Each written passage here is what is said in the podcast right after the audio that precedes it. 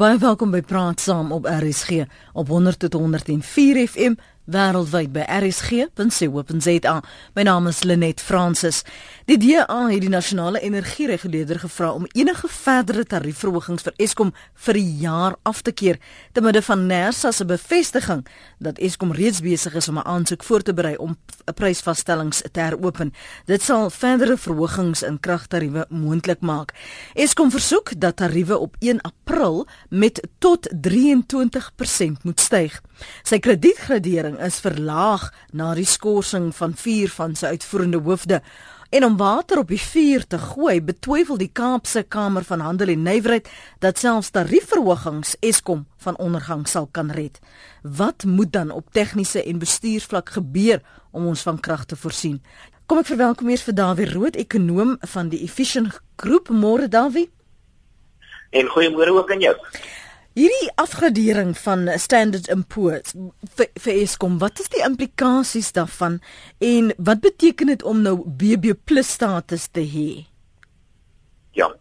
Wel, daar's 'n klompie internasionale graderingsagentskappe en Standard & Poor's is die grootste van hulle en 'n graderingsagentskap se belangrikste werk is om aan sy kliënte 'n uh, aanduiding te gee of 'n spesifieke belegging 'n goeie idee is al dan nie. Byvoorbeeld, in die geval van Eskom, as jy 'n gradering het van onder 'n sekere vlak en elke al hierdie drie of al die groot graderingsagentskappe het eintlik basies twee kategorieë. Een kategorie is as as jou as jy as jy word beskou as 'n beleggingswaardige uh, besigheid of 'n land of jy word beskou as 'n 'n 'n nie beleggingswaardige besigheid of 'n land. Hmm. En hy afsnypunt in die geval van Standard & Poor's is by die B's, as jy nou onder die B's gaan of in met ander woorde onder die triple B's gaan wat uh, Eskom nou is, dan word jy in kategorie geklassifiseer waar uh, Standard & Poor's reken dat jy nie beleggingswaardig is nie. Met ander woorde sogenaamde gemors beleggings. En dit beteken dat as Eskom nou wil gaan geld leen, mm -hmm. gaan hy heelwat meer moet betaal daarvoor om geld te gaan leen. Uh en dit gaan ook uiteindelik daartoe bydra dat Suid-Afrika se eie staatsskuld ook moontlik oor tyd afgegradeer gaan word. So dit is sekerlik glad nie goeie nuus nie. Die internasionale graderingsagentskappe beskou eenvoudig Eskom as 'n riskante belegging en jy moet versigtig wees as jy geld leen aan Eskom. Is is die afgradering ook 'n refleksie van die staat se onvermoë om werklik 'n uh, sinvolle uh, oplossing vir Eskom te help vind? Die die die rede hoekom hulle nou laaste afgegradeer het nou is net voor dit was Eskom nog steeds 'n uh, beleggingsgradering net net maar het nog steeds dit gemaak as beleggingsgradering en onthou wanneer hierdie gradering gedoen word is daar twee breë kategorieë waarna gekyk word. Die een het te doen met finansies, kan die besigheid sy geld terugbetaal, is sy finansies gesond genoeg, hoe lyk die omgewing, die besigheidsomgewing en dies meer. Mm. En die ander afdeling het te doen met met met sagte goed. Dit het te doen met sien maar politiek en dit het te doen met bestuur mm. en dit het te doen met met arbeidsverhoudinge en dies meer. En daai kategorie kan mense maar sê het Eskom uit uh, Standard & Poor's besluit dat die feit dat die bestuur opgeskort is, dat die vier hoofbestuurslede, die belangrikste ouens, die uitvoerende bestuur vir 3 maande nou wel niemand weet presies waar hulle is nie mm. maar dat hulle nou nie meer daar werk nie is wat Standard & Poor's betref 'n teken van van bestuur wat so 'n bietjie onder verdenking is as mense dit nou baie versigtig kan stel daarso. En hulle het besluit dit was nou die laaste uh uh strootjie gewees wat die kameel te brug gerig gebreek het toe hulle besluit om dit af te gradeer. Hulle is heeltemal korrek ook want mens moet bekommerd wees as jy bestuur van 'n maatskappy nie behoorlik gesond is nie. Want onthou Eskom is 'n baie baie groot organisasie. Eskom leen verskriklik baie geld in die internasionale en in die plaaslike kapitaalmarkte. En gaan jy aan iemand geld leen as hulle nie eers 'n hoofbestuurder het nie. Gaan jy aan iemand geld leen as as 'n hoofbestuurder nie vir jou kan vertel wat sy visie is of wat is sy beleid vir die maatskappy nie. Dit en, en so hulle ek dink is ehm um, Standard & Poor's het die regte besluit geneem om Eskom wel af te gradeer. Dit is natuurlik nie lekker vir ons as Suid-Afrikaners nie, maar die realiteit is is dat dit is 'n is 'n kompeterende wêreld aan buitekant. En as jy groot organisasie soos Eskom bestuur, dan moet jy dit baie baie goed doen net sommer gou vir 'n regstelling. Dankie Anne Marie wat sê dis olie op die vuur gooi. Dit is inderdaad in die water nie want ja. so so maklik gaan ons hulle nie geblus kry nie. Ek wil terugkom na hierdie sogenaamde war room. Dani, wat was veronderstel om daar te gebeur? Laat ek miskien net die die laat ek as ek nou mag, laat ek 'n vraag omkeer en kyk wat is ons veronderstel om te doen by Eskom nou om hierdie probleem op te los? Want want hierdie is 'n krisis. Ek weet nie minister en die president sê dit is nie 'n krisis nie, maar hierdie is 'n krisis. Daar's daar's eintlik vier probleme wat ons het by Eskom. Uh, en natuurlik die tegniese ouens gaan natuurlik 'n klomp ander goeie sê ek is nie 'n mm. tegniese mens nie ek kyk daarna op 'n ander manier maar daar's vier probleme. Die heel eerste probleem wat ons het by Eskom is dat ons het nie bestuurders nie. Daar is daar's nie leierskap by Eskom nie. Ons moet dit absoluut 'n prioriteit maak om behoorlike en die regte en die tegniese leierskap by Eskom onmiddellik te kry. En ons kan nie toelaat dat ideologie 'n rol speel of politiek 'n rol speel nie. Ons moet die beste mense nou dadelik kry. Die tweede ding wat ons moet doen met Eskom, ons moet die finansies van Eskom ook stabiliseer. Nou Eskom is aan allerlei finansiële probleme wat hulle tans ervaar. Jy het verwys na die verhoging in die elektrisiteitspryse wat mense kan verwag. Die derde ding wat mense moet doen by Eskom, mense moet die hele besigheid herstruktureer. Ehm um, dit is 'n reusagtige groot besigheid. Mense moet hom breek in kleiner gedeeltes met die oog daarop om dit uiteindelik dan te privatiseer. En dan die vierde ding wat mense moet doen is dat ons in die private sektor deelname kry uh, aan elektrisiteitsverskaffing in Suid-Afrika. En glo my, daar is mense. Ek weet van groepe wat letterlik 'n kragstasie binne minder as 2 jaar, binne minder as 2 jaar kan hulle kragstasie op die been bring. So daai is die vier dinge wat ons moet doen wat elektrisiteit aanbetref in Suid-Afrika. Nou die sogenaamde war room. En jy weet, nou wonder ek baie keer of ons politieke leiers besef die geweldige krisis wat ons in die gesig staar hierso. Mm. Want hulle noem mekaar comrades en dan doen hulle maak hulle goeie soos war rooms en al daai sulke dit klink so 'n bietjie soos soos 'n laerskoolbende. Maar hoe dit ook al sê, hierdie war room is dan nou veronderstel om dag tot dag die krisisse te hanteer. Maar dit is die probleem. Mens kan nie dag tot dag krisisse by Eskom hanteer nie. Jy moet behoorlike leierskap kry wat 'n langer termyn visie het by Eskom om die ding behoorlik oor tyd te bestuur. Ongelukkig wat gebeur het by Eskom is dat dit dit dit dit het 'n politieke speelbal bal geword. Dit het 'n deel geword van die ideologie ideologie van die regerende party en uiteindelik het hulle vergeet wat Eskom veronderstel is om te doen en dit is om elektrisiteit aan Suid-Afrika en Suid-Afrikaners te lewer. En in die proses het ons natuurlik nou wat ons het vandag. En ek kan vir jou sê ek het die sommetjies gemaak. Mm. As Eskom nie voldoende krag aan hierdie land verskaf nie, dan is die kanse baie goed dat ons in Suid-Afrika selfs so erg as 'n resessie kan belewe hierdie jaar nog as ons nie genoeg elektrisiteit het nie. Hierdie is 'n krisis en om mekaar omre te noem en om rooms rond te speel gaan nie die probleem oplos. So jy deel die die skeptisisme van die Kaapse Kamer van Handel en Nywerheid dat selfs hierdie tariefverhogings waarvoor hulle vra 23% tot soveel as 23% hulle nie werklik kan red nie. Nee nee, my waarheid is sê ek is heeltemal te gunste van 'n tariefverhoging. Ek dink ons moet uh, elektrisiteitspryse verhoog en ek dink ons moet dit baie skerp verhoog. Mm -hmm. Nou laat ek eers dadelik sê hoekom dit so sê. Die realiteit is vandag is dat ons het 'n tekort aan elektrisiteit. Die vraag na elektrisiteit is baie baie hoër as die aanbod van elektrisiteit. Dit is 'n gegewe. Ons kan nie daarby wegkom nie. Nou ons moet hierdie twee goed nader by mekaar bring. Ons moet anderswoorde vraag en aanbod nader by mekaar kry en een manier om dit te doen en die goedkoopste manier om dit te doen en die maklikste manier om dit te doen en die vinnigste manier om dit te doen is om elektrisiteitspryse te verhoog. Maar dit is slegs 'n eerste stap. Wat ons op die oomblik doen, is ons het die sogenaamde rolling blackouts van van Eskom of wat noem hulle dit load shedding. Weerkrag. Uh, nou wat of beerdkrag wat hulle doen, hulle besluit 'n sekere area se krag word net eenvoudig afgesit. Nou, miskien is daar 'n persoon met 'n fabriek in daardie area. Mm. Hy's bereid om meer te betaal vir sy elektrisiteit solank as wat hy net sy fabriek aan die gang kan hou. Hy het nie daardie keuse nie, want Eskom het besluit om 'n sekere area be se ligte af te sit of se krag af te sit. Dit is verkeerd. As ons elektrisiteitspryse verhoog en in baie gevalle baie van hierdie fabrieke, byvoorbeeld ouens, ek het nou net gepraat met iemand wat wat 'n uh, koerante druk. Jy kan nie net daai masjien afsit by die koerant te druk nie. Dit is 'n groot storie om daai masjien weer aan die gang te sit of van die groot myne. Jy kan nie net 'n myn se krag afsit nie of baie ander fabrieke se krag afsit nie, want allerlei goeders gebeur, allerlei tegniese dinge gaan verkeerd. So die regte antwoord op die kort termyn, behoog elektrisiteitspryse dat ons 'n beter van 'n balans kry tussen vraag en aanbod as 'n eerste stap. En daarna moet ons die ander goeders doen deur te privatiseer en private sektor deelname te kry en uiteindelik sal ons natuurlik 'n laer minder betaal vir elektrisiteit. Maar die eerste stap moet wees 'n verhoging in elektrisiteitspryse en dit is maar net om uh, vraag en aanbod nader aan mekaar te bring. Ek ek hoor jou redenasie en ek verstaan ook wat jy sê op die langtermyn hoe ons daarbey kan baat, maar in die interim het ons gesien die geld en daar was verhogings die afgelope 2 jaar. Die geld word nie noodwendig aangebruik vir dit wat ons benodig nie en dit is ons wil ons ligte aanskakel en weer daar as krag.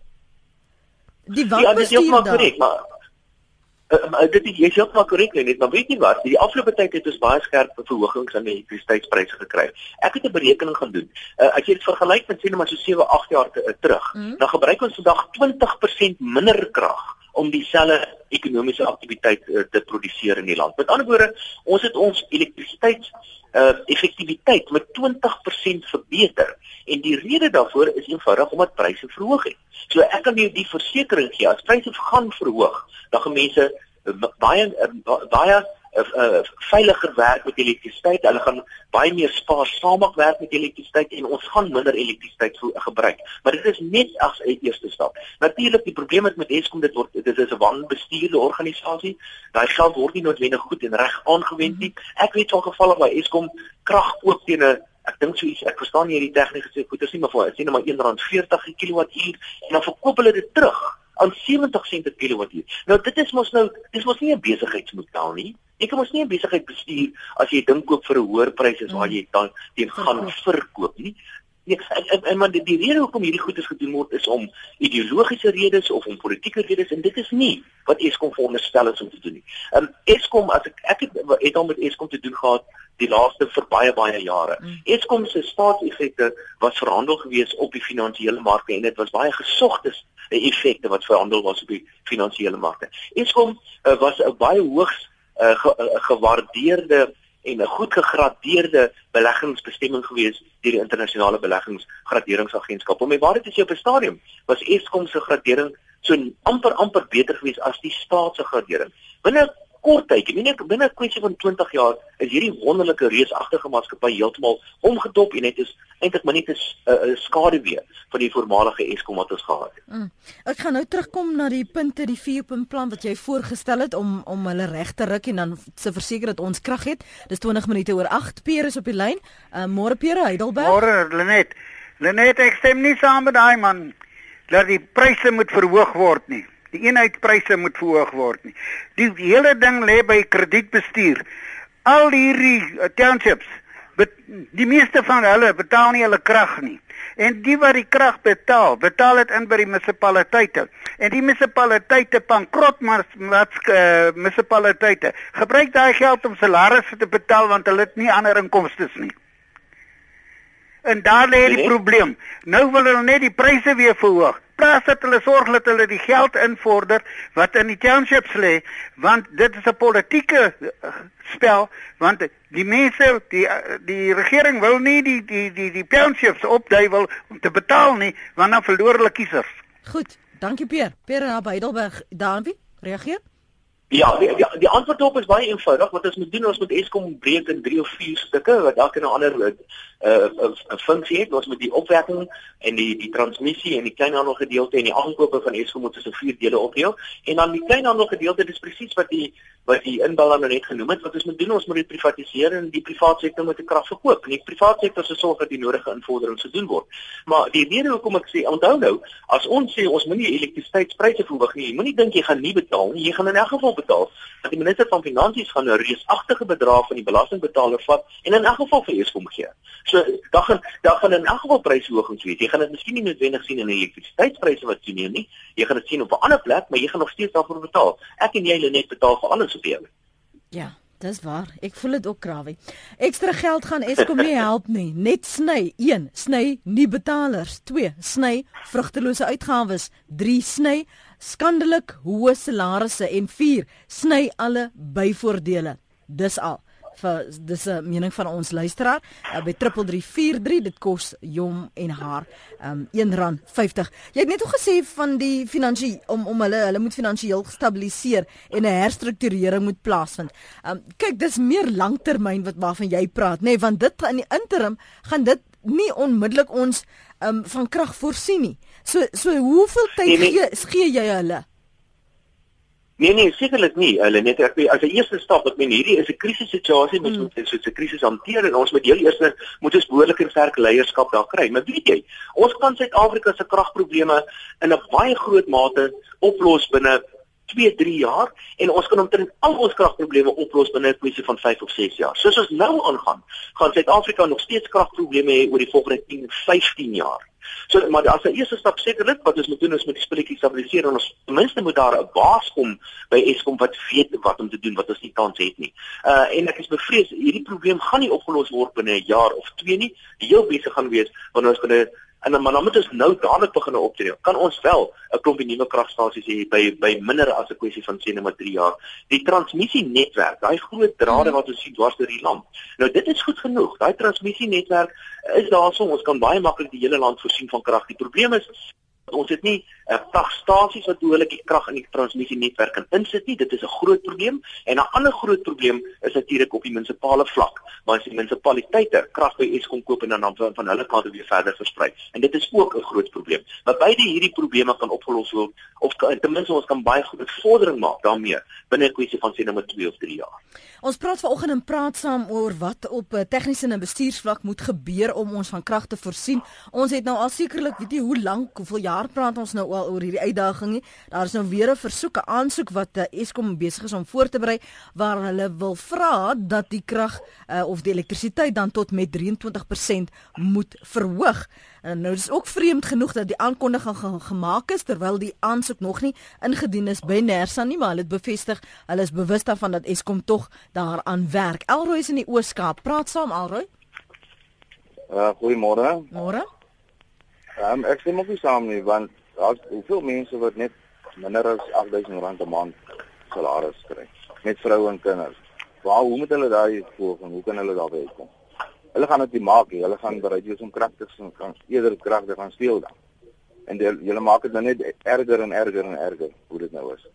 So jy sê indien ons um, die verhoging uh, gaan implementeer, gaan sommige mense genoodsaak wees want hulle kan dit nie bekostig nie om krag te steel.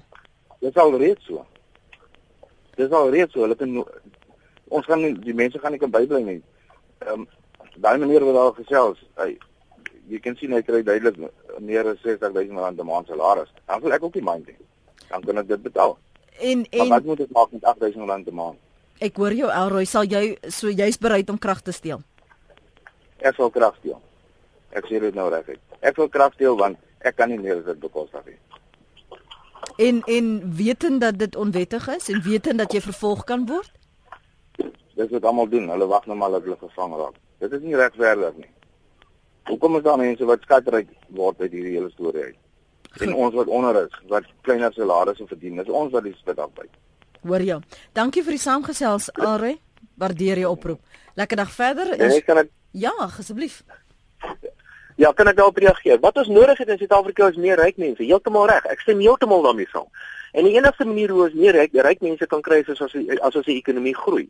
As ons hierdie ekonomie groter maak, om die koek groter te maak dat daar meer mense is wat meer geld. Wat nou gaan gebeur, ons van as gevolg van Eskom onder andere natuurlik ander goed is ook, gaan hierdie koek nie groter word nie. En kans is baie goed dat as ons hierdie ding nie reg hanteer nie, gaan die koek kleiner word, dan gaan ons meer arme mense hê. So die ek stem heeltemal saam dit is moeilik uh, in Suid-Afrika om al die uitgawes veral met stygende pryse voortdurend, maar ek het die versekering gee dit gaan baie moeiliker raak as ons nie hierdie krisis reg hanteer nie. Maar nou dan wie ons dan nog gesien hulle laas vir die regering weer geld gevra en en dit is uh toegestem in ingestem tot dit as dit dan nie genoeg nie het hulle dan nie hulle berekeninge korrek gedoen om te weet wat die impak gaan wees nie en dat as jy 'n omkeerstrategie het hoeveel jy daarvoor gaan benodig het nie Jy jy is heeltemal korrek. Hulle weet nie, uh, uh, Melenet. Eskom weet nie wat behoort die kragpryse te wees nie. En weet jy wat Nersa weet ook nie wat die kragpryse behoort te wees nie. Ek was al baie van hierdie aanbiedings gewees van Eskom. Hulle het 'n hulle het 'n spul, spul mense wat 'n klomp berekenings doen oor wat die behoeftes is van Eskom. Mm. Hulle maak 'n klomp aannames en hulle besluit dat die hulle vra vir X bedrag of persentasieverhoging van Nersa af. Nersa doen presies dieselfde berekenings NASA bereken dan hulle doen hulle eie berekenings en hulle maak hulle eie vry uitskattings en wat elke keer gebeur is dat die eise verander en NASA se determinasie verander ook elke keer oor tyd. Eskom weet nie wat dit moet wees nie en NASA weet ook nie wat dit moet wees nie en ek weet ook nie wat dit moet wees nie. Wat ek wel weet, as ons behoorlike kompetisie het en as ons 'n behoorlike privaat sektor deelname het, dan gaan deur kompetisie gaan ons die regte prys van elektrisiteit hê. Maar dit is nie die probleem by Eskom uh, uh, uh geld nie. Geld is nie die probleem nie. Bestuur is die probleem. En dit is die eerste ding wat ons moet regstel voordat ons die ander probleme kan aanpak. Terug te kom na hierdie privaat sektor deelname. In die verlede het hulle tog 'n grashampie uitgehou aan Eskom waarom die traagheid om te vra vir hulp. Hoekom um, wel ek ek kan dit nie verstaan nie. Op 'n stadium hier teen die einde van die 90's het Eskom het die regering mee waar dit gesê dit was onder Jeffrey Debe nog het hy 'n plan gehad om groot dele van Eskom eintlik op 'n manier te privatiseer mm -hmm. en private sektor deelname te kry.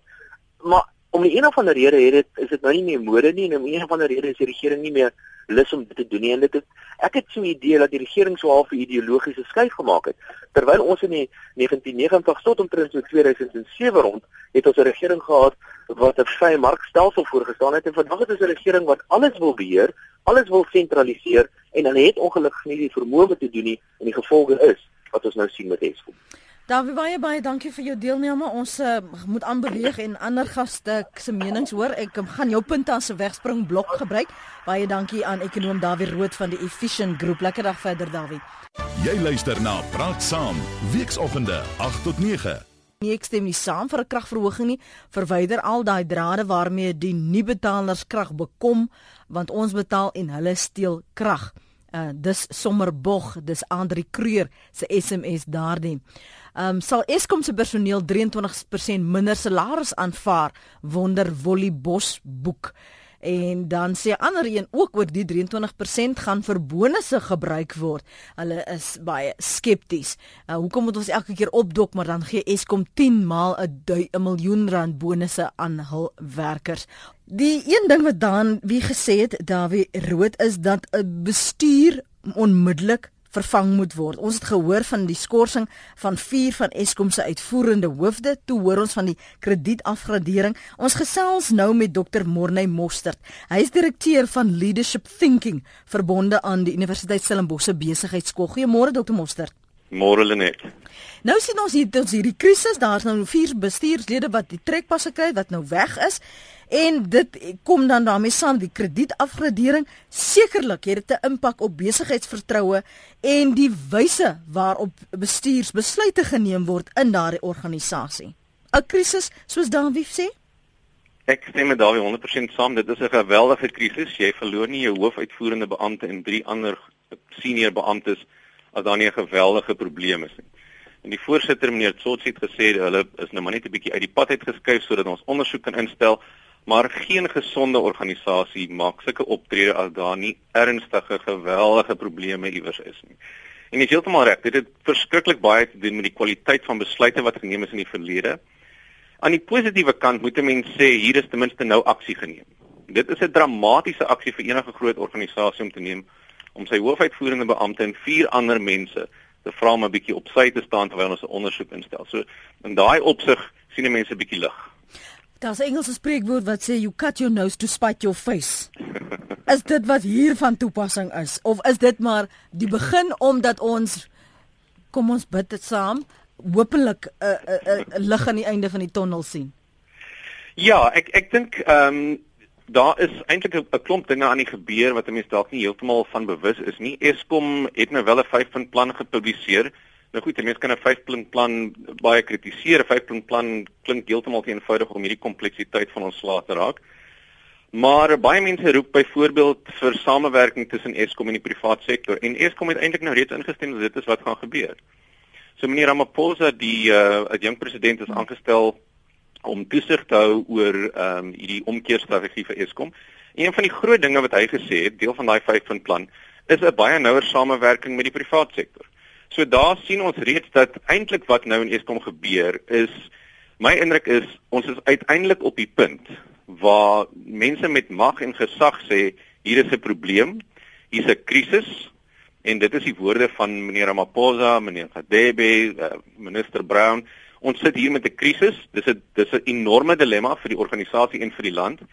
Kom ons kyk wat kan ons nou doen. So in 'n sekere sin is die erkenning nou gemaak en ek dink baie mense in die land het baie lank daarvoor gewag. Dis natuurlik so effens stil gehou, mm. maar as jy net gaan kyk wat in die media gebeur het, dan is daai erkenning nou uiteindelik gemaak. Die volgende ding wat ek dink 'n mens nou moet doen is jy moet gaan sê maar wat het ons eintlik geleer? So as ons nou praat van 'n omkeerstrategie, hoekom wil ons dan omkeer? Wat het ons geleer uit hoe ons dinge gedoen het in die verlede en hoe gaan 'n mens dinge anders benader nou? Wat is die verskil? Mm. So wat die organisasie nou doen is om ten einde 'n bietjie helderheid te kry, sê ons kom ons skuif uit die pad uit van die mense wat dit so bietjie moeilik maak om te verstaan wat werklik hier aangaan. En kom ons gaan kyk dan nou wat regtig daar gebeur. Ek meen gestel ons hierdie teenoorgestelde situasie gehad. Ons is in 'n krisis en Eskom sê nee, wat daar's nie eintlik 'n probleem nie, ons gaan maar net voort. Dit sou eintlik 'n baie gevaarliker situasie wees.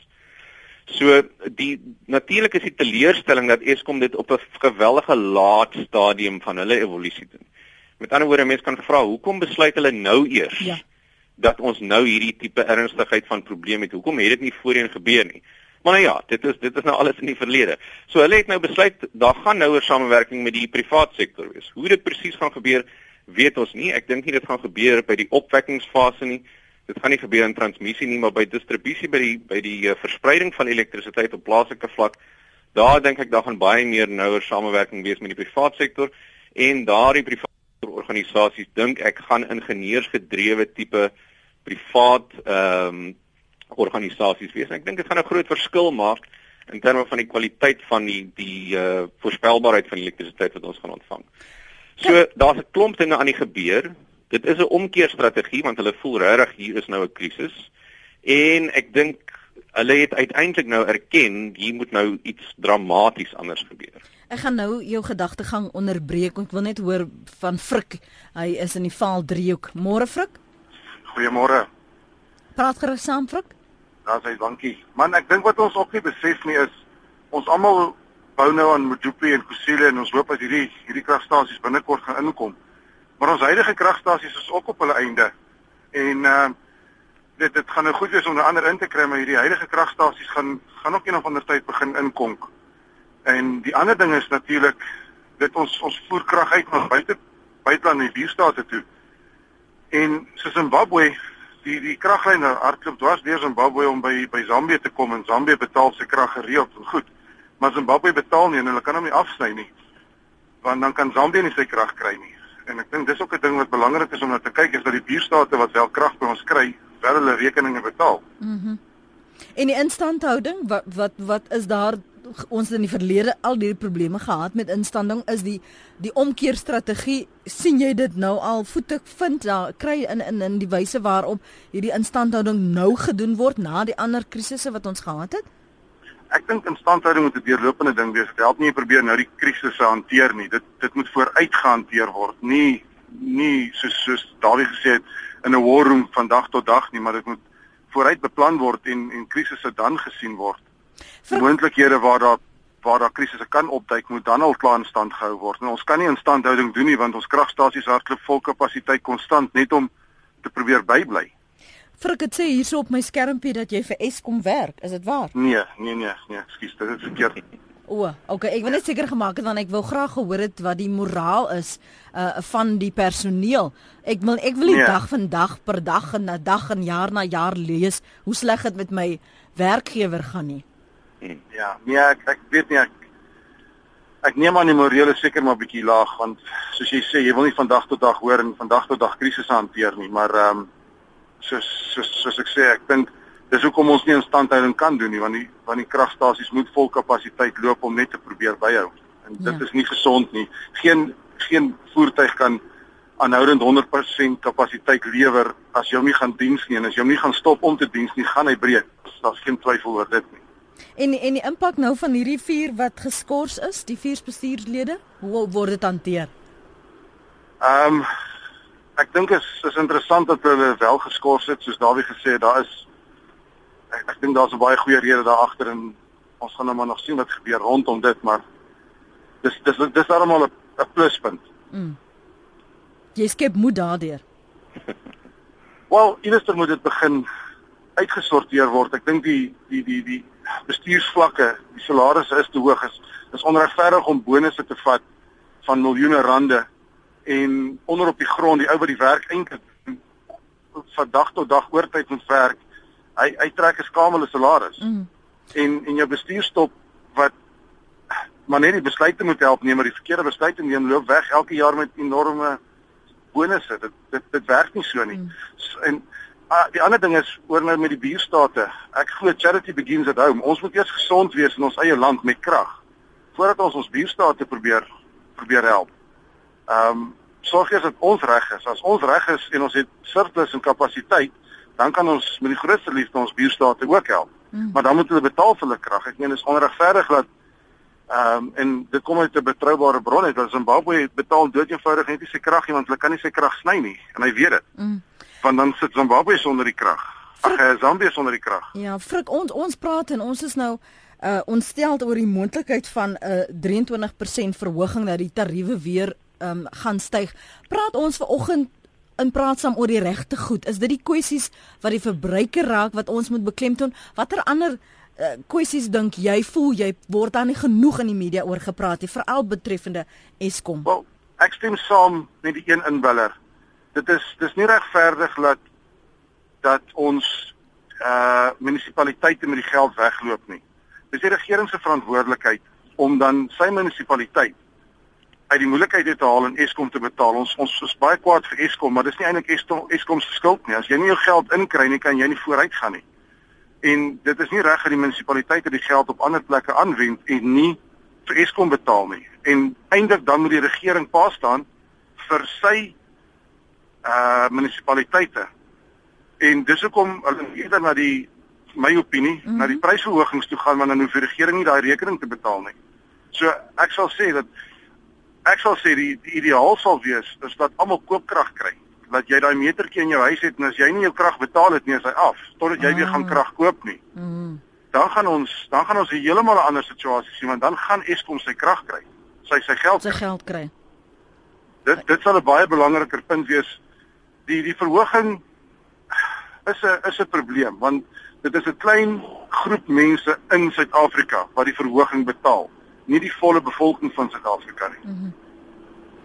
Frik, ek waardeer jou insig, waardeer dit. Dankie dat jy gebel het. Ons um, gaan aanbeweeg. Dis Frik um, van Val Driehoek se mening daardie en sy insigte wat hy met ons deel. Uh, ek gesels nog verder met Dr. Morney Moster, direkteur van Leadership Thinking verbonder aan Universiteit Stellenbosch Besigheidsskool. Jy het nou gehoor van die kommentaar wat Frik daar sê, maar net 'n dinamika van bestuur. Waarom moet dit moet sommige maatskappye en sommer in die algemeen, uh, Dr. Moster, eers tot amper tot gronde gaan voordat hulle sê eintlik het ons hulp nodig? Uh, as dit nou beteken hulp van buite of 'n omkeerstrategie of 'n erkenning, dan sal ons dit nou doen. Waarom wag tot daai punt wat jy amper nie meer is die lewe uit jou kan uitkry nie of die krag in hierdie geval nie? Ja. Dit is eintlik 'n geweldige interessante ding die die die gewoonte het 'n verskriklike mag. Met ander woorde ons doen dinge ehm um, uit gewoonte uit en dan leer ons eintlik om beter te raak met die verkeerde ding. Met ander woorde, ons volg dan die prosesse soos wat ons dink is goeie besluite, dan raak ons beter en beter met besluite wat eintlik oorspronklik verkeerd was uh, om mee te begin. Byvoorbeeld, die, die uitvoer van uh, van krag waarna Frik verwys, is heeltemal korrek, maar daar was 'n stadium toe Eskom 'n surplus produsent van elektrisiteit was. Mm. Dit het gebeur. En die moeilikheid daarmee is dat jy moet koppe swaai wanneer dit begin verander, want die surplus nou nie meer daar is nie. En dan moet jy dinge anders begin benader en ons weet almal verandering is 'n verskriklike dilemma. Die tweede baie interessante ding is dat enige disfunksionele organisasie en ek dink Eskom val ongelukkig in daai kategorie. Mense kry voordele uit daai disfunksionele gedrag uit. Dit klink dalk vreeslik snaaks, maar daar is mense wat 'n voordeel trek uit die feit dat hier 'n geweldige probleem is. Byvoorbeeld, kom ons sê jou kennis is verouderd. Jy's nie meer relevant nie. Mm jy kry eintlik dan 'n voordeel daaruit dat niks verander nie want jou status bly in plek, jy bly op dieselfde vlak van bestuur, ehm um, jy weet jy's veilig, daar's eintlik geen risiko's wat aan jou gebied word nie en dis meer. So ja, ek dink om die koppe te swaai is is 'n moeilike ding. Ek dink ehm um, daar daar's ander interessante punte oor die verhouding met die kliënt wat 'n mens die verbruiker net waarna jy verwys wat ek dink geweldig belangrik is hier En een groot ding is dat die vertrouensverhouding met die kliënt geweldig skade aangedoen is. Ek ek dink ons gaan baie min mense hê wat inskakel en sê ja. hulle is baie gelukkig met Eskom se diens. En die idee van koopkrag eh, beklemtoon dit eintlik geweldig. Jy betaal vooruit vir jou krag en dan het jy 'n redelike verwagting dat dat jy hierdie diens gaan kry. Maar eintlik dan word dit dan onderbreek en dit verwoes daai vertrouensverhouding. 'n Goeie voorbeeld sou wees, kom ons sê jy gaan koop vir jou 'n motor en dan uh, dan ry jy met die motor en dan so elke nou en dan ehm um, daag die oorspronklike eienaar van die motor by jou huis op en sê gee vir my bietjie jou sleutels. Ehm um, jy kan nou vir 'n ruk lank nie jou motor gebruik nie. Mm. Ek meen dis 'n absurde situasie is. En dis 'n soortgelyke ding met koopkrag. Jy betaal met die verwagting van 'n redelike diens en uiteindelik word dit dan geweldig onderbreek. Maar ek dink uh, vir waar Eskom op die oomblik is, is daar 'n paar baie interessante dinge waaraan hulle besig is om te werk. En ek dink 'n mens moet ook daarna kyk en dink hoe kan 'n mens dalk ehm um, dalk saamwerk en idees genereer om 'n bietjie innoverend te wees met hoe Eskom wel te werk kan gaan. Ek stem saam met Dawie, ek dink nie 'n mens kan die prysverhoging uh, ignoreer nie. Ek weet die DA het versoek dat dit uh, dat dit uitgestel word. Ehm um, en ek vermoed dat die rede hoekom hulle dit versoek het is dat hulle wil beklemtoon hierdie idee van verantwoordelikheid.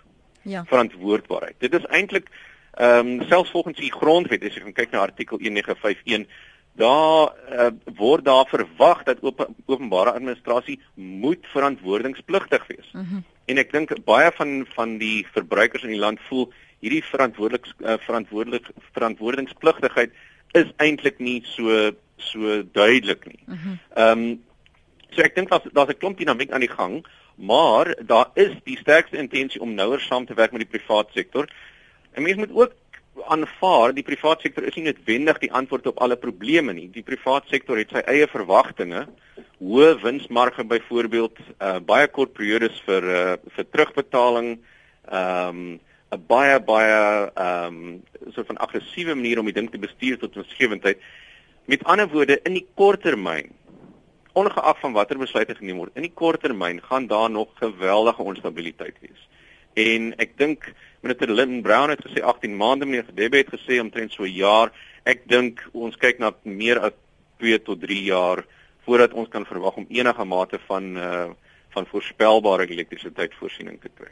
Dr. Monster, baie dankie vir jou insigte. Ongelukkig moet ons dit eers halt roep, maar ons gaan jou beslis in die toekoms weer nooi. Dankie vir jou tyd. Dis Dr. Morney Monster, direkteur van Leadership Thinking verbonde aan die Universiteit Stellenbosch Besigheidsskool. Dis praat saam. Ons kyk na wat moet op tegniese en bestuursvlak gebeur om ons krag te voorsien om te verseker dat ons krag gaan hê en uh, hy het gepraat en meer gefokus op uh, die leierskap aspekte. Praat saam 100 tot 104 FM. Nou gesels ek met professor Jan de Kok. Hy is direkteur by die skool vir elektriese, elektroniese en rekenaars uh, ingenieurswese by Noordwes Universiteit se Potchefstroom kampus. Professor de Kok, môre baie dankie vir jou tyd. Môre net. O, o, ons is hier. Ooh, laat ons hier daar begin. Hierdie situasie wat ons probeer nou sin maak van wat op 'n bestuursvlak moet gebeur. Dawie Rood het vroeër gesê, ons besef dalk nie maar ons sit hier midde van 'n in 'n krisis en ons moet onmiddellik moet hierdie omkeerstrategie wat 'n Eskom nou so na verwys, moet eintlik nou al in plek tree. Maar maar van jou kant af, die meer tegniese aspekte, moet ons nou net as Suid-Afrikaanse verbruikers aanvaar nood uh, uh, opwekkers, kragopwekkers, sonpanele, beerkrag. Dis nou ons voorland tot ten minste wat ek dink Botte Mosser het gesê dalk langer as 2 jaar. Hulle net ons gaan waarskynlik nog vir die volgende 5 na 10 jaar krisis beleef. Sjoe. Die rede is dat mense nie oornag kan kragstasies oprig nie. Die vinnigste kragstasies wat 'n mens kan oprig is sonkrag en windkrag maar die goed werk ongelukkig son net as die son skyn, wind se opbrengs eintlik relatief laag. Iets wat nog glad nie genoem is nie is dat daar onlangs in Mosambiek baie gas ontdek is. In Mosambiek het tans die vierde grootste gasreserwes in die wêreld. En gas is die goedkoopste energiebron wat op koolstof gebaseer is tans in die wêreld en ook die vinnigste kragstasie wat 'n mens kan oprig om die situasie te verander.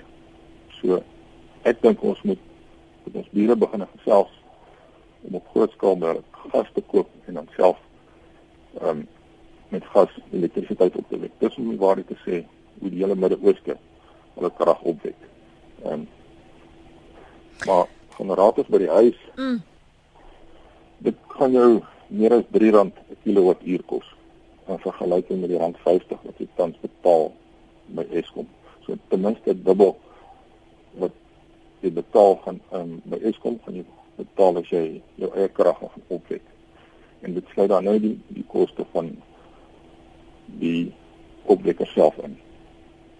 Ek weet jy het al male sonder taal verskeie voorleggings bygewoon en alself aangebied oor hierdie krisis.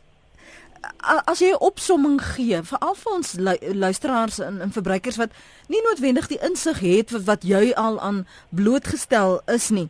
Wat moet ons weet? Wat moet ons verstaan en waarvoor en op waarop liewer moet ons ons voorberei? Net ehm um, soos Dawie gesê het, ehm um, soos wat die prys opgaan van mense se gedrag verander. Ek dink nie ons as Suid-Afrikaners het reeds ons gedrag genoegsaam verander nie. Kom ek gee 'n voorbeeld. 'n Eenvoudige voorbeeld. Sou jy veel water kook om koffie of tee te maak? Meeste mense gooi die ketel so half vol. En dan gooi hulle maak hulle een koppie tee. Dan staan die res van die water daar en word dit koud. Dis 'n klomp energie wat jy gemors het. Mens kan eerder of minder water kook of daai water in 'n termosvles sit. Hmm. En dan dit later weer gebruik. En dis goed wat ons nou nog nie doen. Hoe dit was as jy na kantoor werk, loop jy lugversorger man net in plaas van dat jy die venster oopmaak of jy trek die gordyne toe en vir die lug aan in plaas van om die gordyne oop te maak. Ek dink ons moet ons gedrag 'n bietjie verander. Dan gaan ons ook persoonlik bydra kan maak in die verband. Ja, ons ons is nog nie by daai kopskuif gekom nie, want ons verstaan nie dat ons eintlik ons ingesteldheid 'n impak het op 'n kragbesparing nie. Ja, ons um, ons moet werklik gaan kyk hoe ons self dinge op 'n meer op 'n ouliker manier kan begin doen en as luisteraars meer hieroor wil weet, um, kan ons op Google gaan soek na NWU spaar energie en daar is 'n hele aantal bladsye se wenke oor hoe dalk by die huis aan 'n kragrekening kan bestuur en verder besparings teweeg gaan bring. Kan ek gou o, ek moet seker ook die duiwels advokaat en so opsig wees en in profeties probeer wees nie. Veronderstel die kragnetwerk stort in duie. Waar laat dit ons behalwe dat dit in donkerte ons in donkerte gehul is? Wel net um ons kyk na 'n paar dinge. Die waarskynlikheid dat dit gaan gebeur dink ek is eerstens baie skraal. As jy net gaan kyk wat in Suid-Afrika al gebeur het. Die grootste onderbreking wat ons gehad het was op die 4de Desember 1975. Toe was helfte van die land donker gewees, maar dit was vir minder as 5 ure. So ek dink nie dit gaan dus waarskynlik dat dit gaan gebeur nie. In ander lande het dit ook nog nie reg gebeur nie. Um, maar al is 'n mens se krag selfs vir 12 ure 'n dag af, het jy nog steeds genoeg energie om byvoorbeeld jou yskaste te laat loop of um, om warm water te produseer. So dit gaan net beteken ons moet ons lewenstyl 'n bietjie verander. Professor, ek wil jou graag nooi om weer by ons een of ander tyd aan te sluit. Hierdie sage die gaan nog sekerlik voortduur en ek sal net weer van u kundigheid gebruik wil maak om 'n bietjie verder te gesels oor daardie Liberty Eskom verslag wat hulle vir Maart uh, uitgereik het. So ek ek gaan vir Jody vra om kontak met u te behou sodat ons in die toekoms uh, wanneer dinge verander, hopelik verander, uh, weer vir u kan nader trek. Dankie vir u beskikbaarheid vanoggend hier op Praat Saam. Waardeer dit. Baie dankie. Dis professor Jan de Kok, hy's direkteur skool vir elektriese, elektroniese en rekenaarsingenieurswese. Hy's by Noordwes Universiteit se Potchefstroom kampus. Ons kan nog nie al die menings vanoggend reflekteer nie, maar ons wou net hê jy 'n idee kry in die gedagtegang van van ons ekonome en eh, bestuursleiers en opleiers oor hoe en wat moet gebeur vir alle tegniese en bestuursvlak om ons van krag te voorsien. Ons sien hierdie dinge afspeel op ons eh, hierdie verhoog Eskom wat sê hou vas, hou moed. Uh, ons gaan krag voorsien, ons gaan daar kom. Uh, hoe lank kan ons nog uithou? Ons sal nou moet sien die verwikkelinge oor hierdie aansoek van tot 23% uh, vir die verhoging. Tariewe wat hulle al reeds op die 1 April, dis soos in vol, volgende week wil in werking stel. Sal sien hoe ver hulle daarmee kom.